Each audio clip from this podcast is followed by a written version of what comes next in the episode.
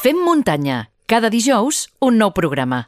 Aquest 2021 són molt poques les carreres que s'han pogut disputar, per això moltes organitzacions les estan eh, fent en format open a través d'aplicacions com, per exemple, Open Trail Races. Per saber com funciona aquesta aplicació i quin és el seu futur, saludem el seu fundador, el Joan Grau. Benvingut al Fem Muntanya, Joan. Bona tarda, bona nit. Moltes gràcies. Com neix Open Trail Races? Bueno, Open Trail Races neix de les inquietuds pròpies com a corredor, de, bueno, que t'agrada fer curses i t'agradaria moltes vegades doncs, fer-les quan a tu et van bé. I com que tenim aquesta base informàtica, perquè els que formem part de l'empresa doncs, som informàtics, eh, vulguis que no, una cosa al final porta l'altra, no? I pensant, pensant, vam descobrir un bon dia el que eren els dispositius Bluetooth que emetien una senyal i podien servir de punts de control. I a partir d'aquí vam començar a investigar i al final doncs, va donar peu a fabricar aquesta aplicació uh -huh. per poder córrer curses quan vulguis. I l'objectiu és simplement eh, córrer curses quan, quan vulguem en format open?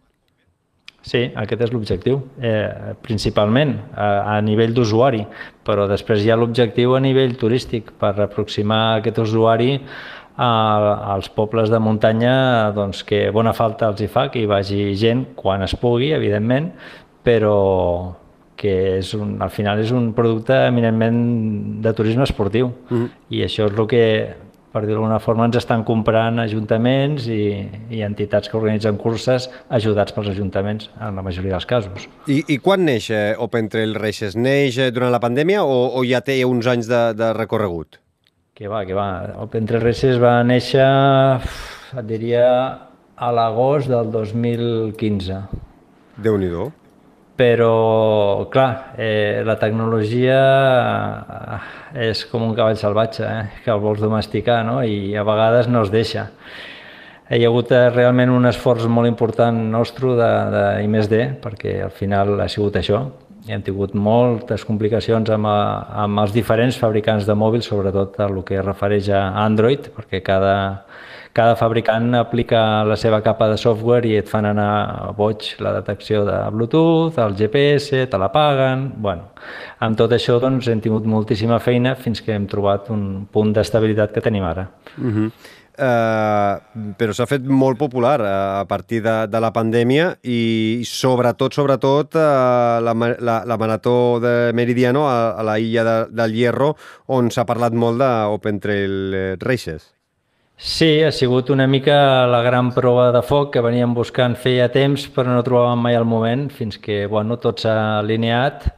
Uh, doncs l'Ajuntament d'allà de la frontera ha volgut fer això ja que no ha pogut fer la cursa i ha muntat pues, aquest uh, esdeveniment tan, tan interessant i, i que va ser realment una experiència per tots els que vam estar allà.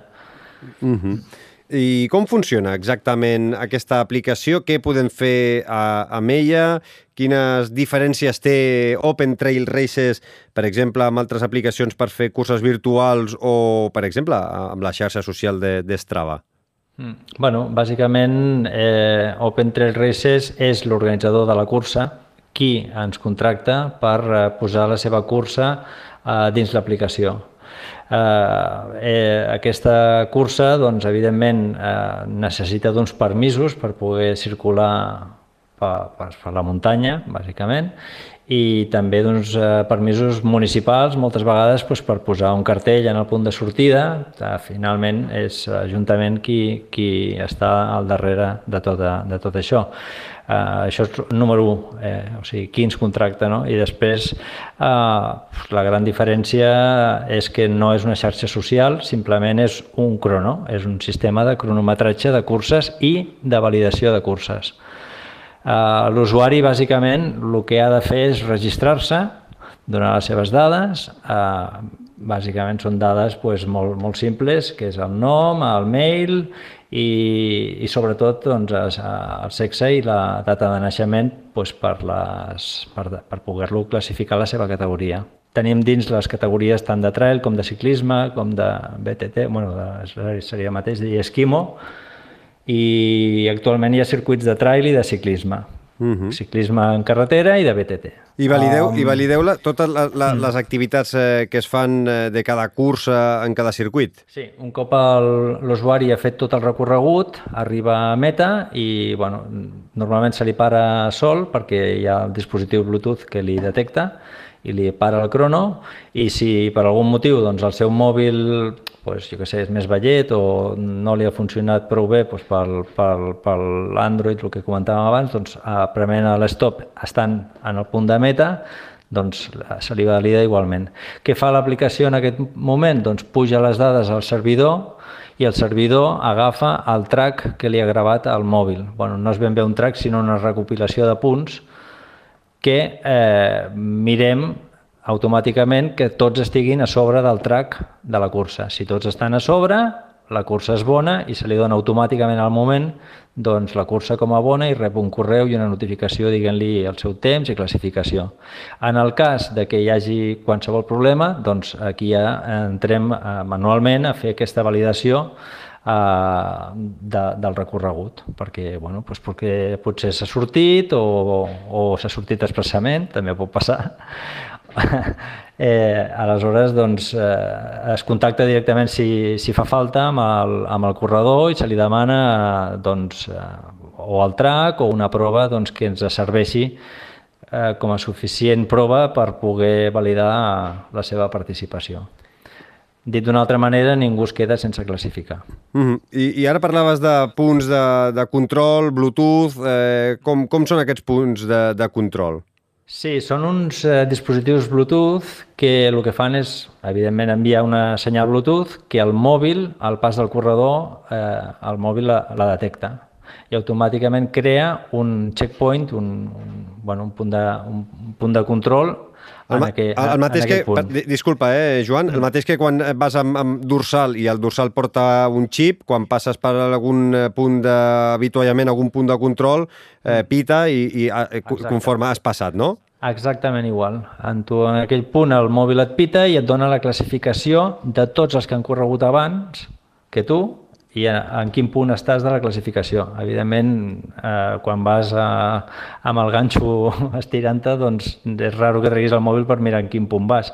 Però si et serveix després en acabat, doncs per poder veure en quina posició anaves en el primer checkpoint, eh, en el següent, en el següent, i fins que arribes a meta, no? Si, si has anat poder... a més o, o has anat a menys. Exacte. Si per... Bé, una mica l'estratègia no? de, de lo que és la cursa. Mm -hmm. ah, ah, I ara tinc una altra, una altra idea, no? És a dir, vale, eh, has fet eh, tot el recorregut, però ara posem que hi ha algun trampós que fent tot el recorregut hi ha trams que els fas en bicicleta, per exemple, per anar més ràpid en alguns trams que es puguin anar en bicicleta. Com, com és valida això? Sí, l'algoritme que tenim de validació té en compte aquestes coses. Mira quins desnivells hi ha i si és possible córrer aquestes velocitats. Eh, si baixes a corrents a 40 km per hora, doncs, automàticament estàs fora. No et validarà la cursa. Ens quedarà nosaltres per revisió manual que serà quan mirarem aviam què ha passat aquí. Eh, Joan, eh, totes les curses que, que hi ha a l'aplicació Open Trail Races, eh, totes són, eh, diguéssim, eh, curses eh, contractades o per organitzacions o per ajuntaments o, o, que, que, o, o per... Eh, eh, doncs, clubs esportius que volen marcar un circuit per fer una cursa eh, en, un en un terreny, en un territori específic, no? Sí, exacte. L'únic que n'hi ha algunes que són curses conegudes com a curses, que tenen el seu esdeveniment un dia concret de l'any, o el tenien, o el tindran, i n'hi ha d'altres que simplement són circuits pues, que a l'Ajuntament per algun motiu li interessa pues, que la gent passi per allà.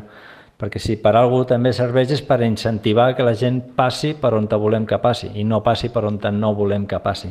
Mm -hmm. No sé si m'entens. Sí, sí. Que, que, Saps què vull dir, sí, no? que no passis per uns terrenys privats, que per aquí no es pot ah. passar i millor passar per l'altra banda, que es pot passar per aquí i la gent sempre tira per on no ha de passar. Ah, exactament. Aquesta ah. és una mica la idea, també ho estan entenent bastant bé alguns parcs naturals i això ens ajuda també i ajuda doncs, a la preservació del medi. Uh -huh. Posem un cas pràctic. Eh, el proper 10 i 11 d'abril, eh, més que res perquè sóc de Sabadell i, i ha arribat eh, doncs, a través de les xarxes socials que, eh, la, que s'han obert les inscripcions de la Llanera Trail, de la Unió sí. Excursionista de, de Sabadell.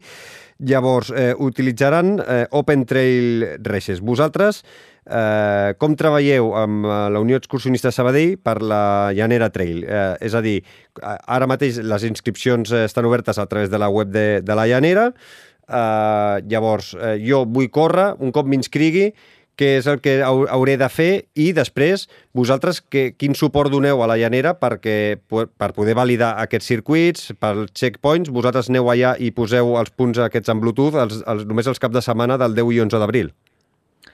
Eh, no, bueno, és, eh, de fet, eh, quan alguns contracta una cursa, eh, els dispositius són de la seva propietat. Poden decidir tenir-ho dos dies, dos anys o per sempre, o durant un període de temps. Hi ha algun lloc que, que a l'hivern les treuen perquè hi fa molta fred i perquè hi pot haver la neu, es pot emportar els dispositius, bueno, hi ha una mica de, de tot, però al final els dispositius són seus i ells poden activar-ho tants dies com vulguin. Hi ha, jo que sé, a Sevilla, per exemple, també hi va haver una cursa que l'han anat activant caps de setmana, perquè ells han estat allà per donar les sortides als corredors, per estar amb ells, per si algú es feia mal anar i recollir-lo, eh, per donar un altre tipus de suport. Hi ha casuístiques, n'hi ha mil. Vull dir, és que cada vegada els organitzadors tenen el, el, la joguina aquesta que nosaltres els donem i ells se l'adapten a les seves necessitats. El que sí tenen un avantatge és que només s'han de preocupar de fer que la gent s'ho passi bé. Del crono ja ens ocupem nosaltres. Uh mhm. -huh. Molt bé. Uh... Quan tornin a organitzar-se les curses, creus que continuarà tenint èxit Open Trail Races o creus que vosaltres també haureu de doncs, eh, fer una mica més de I més D per continuar millorant?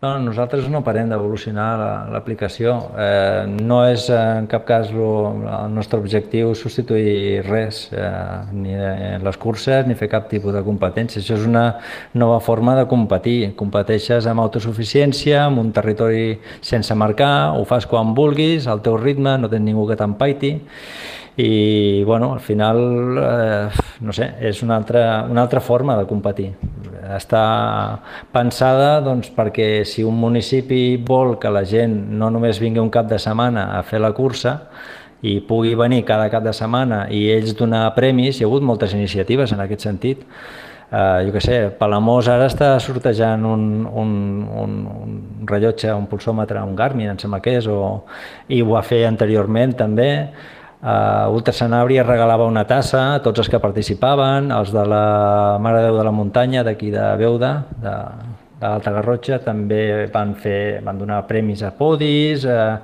a tots els participants podien passar pel Decathlon a recollir un bidó, si no recordo malament, vull dir, és que al final ells tenen la cursa, és seva, poden fer el que vulguin, no sé. Hi ha gent que ha fet bossa de corredor, igualment, la sortida estava en una botiga d'esports i l'arribada estava en un restaurant, vull dir, Sí, és que... Vosaltres poseu la tecnologia a, a les idees que posin les organitzacions. Clar, és que és eh, molt lliure. Després també estem col·laborant amb iniciatives per recaptar fons pues, per la preservació del medi. Ja ho vam fer amb la Protecting Home, aquí a la Costa Brava, que és eh, sis etapes, que es pot fer, encara es pot fer, vull dir, no, i no sé si cobraven 49 euros d'inscripció que anaven íntegrament a associacions per la defensa de, dels boscos de la Costa Brava, Uh -huh. Ara estem també en converses amb la... Bueno, que estem ja pensant cosetes molt xules amb la, amb la Killian Jornet Foundation i, no sé, i alguna coseta més que també hi ha por ahí.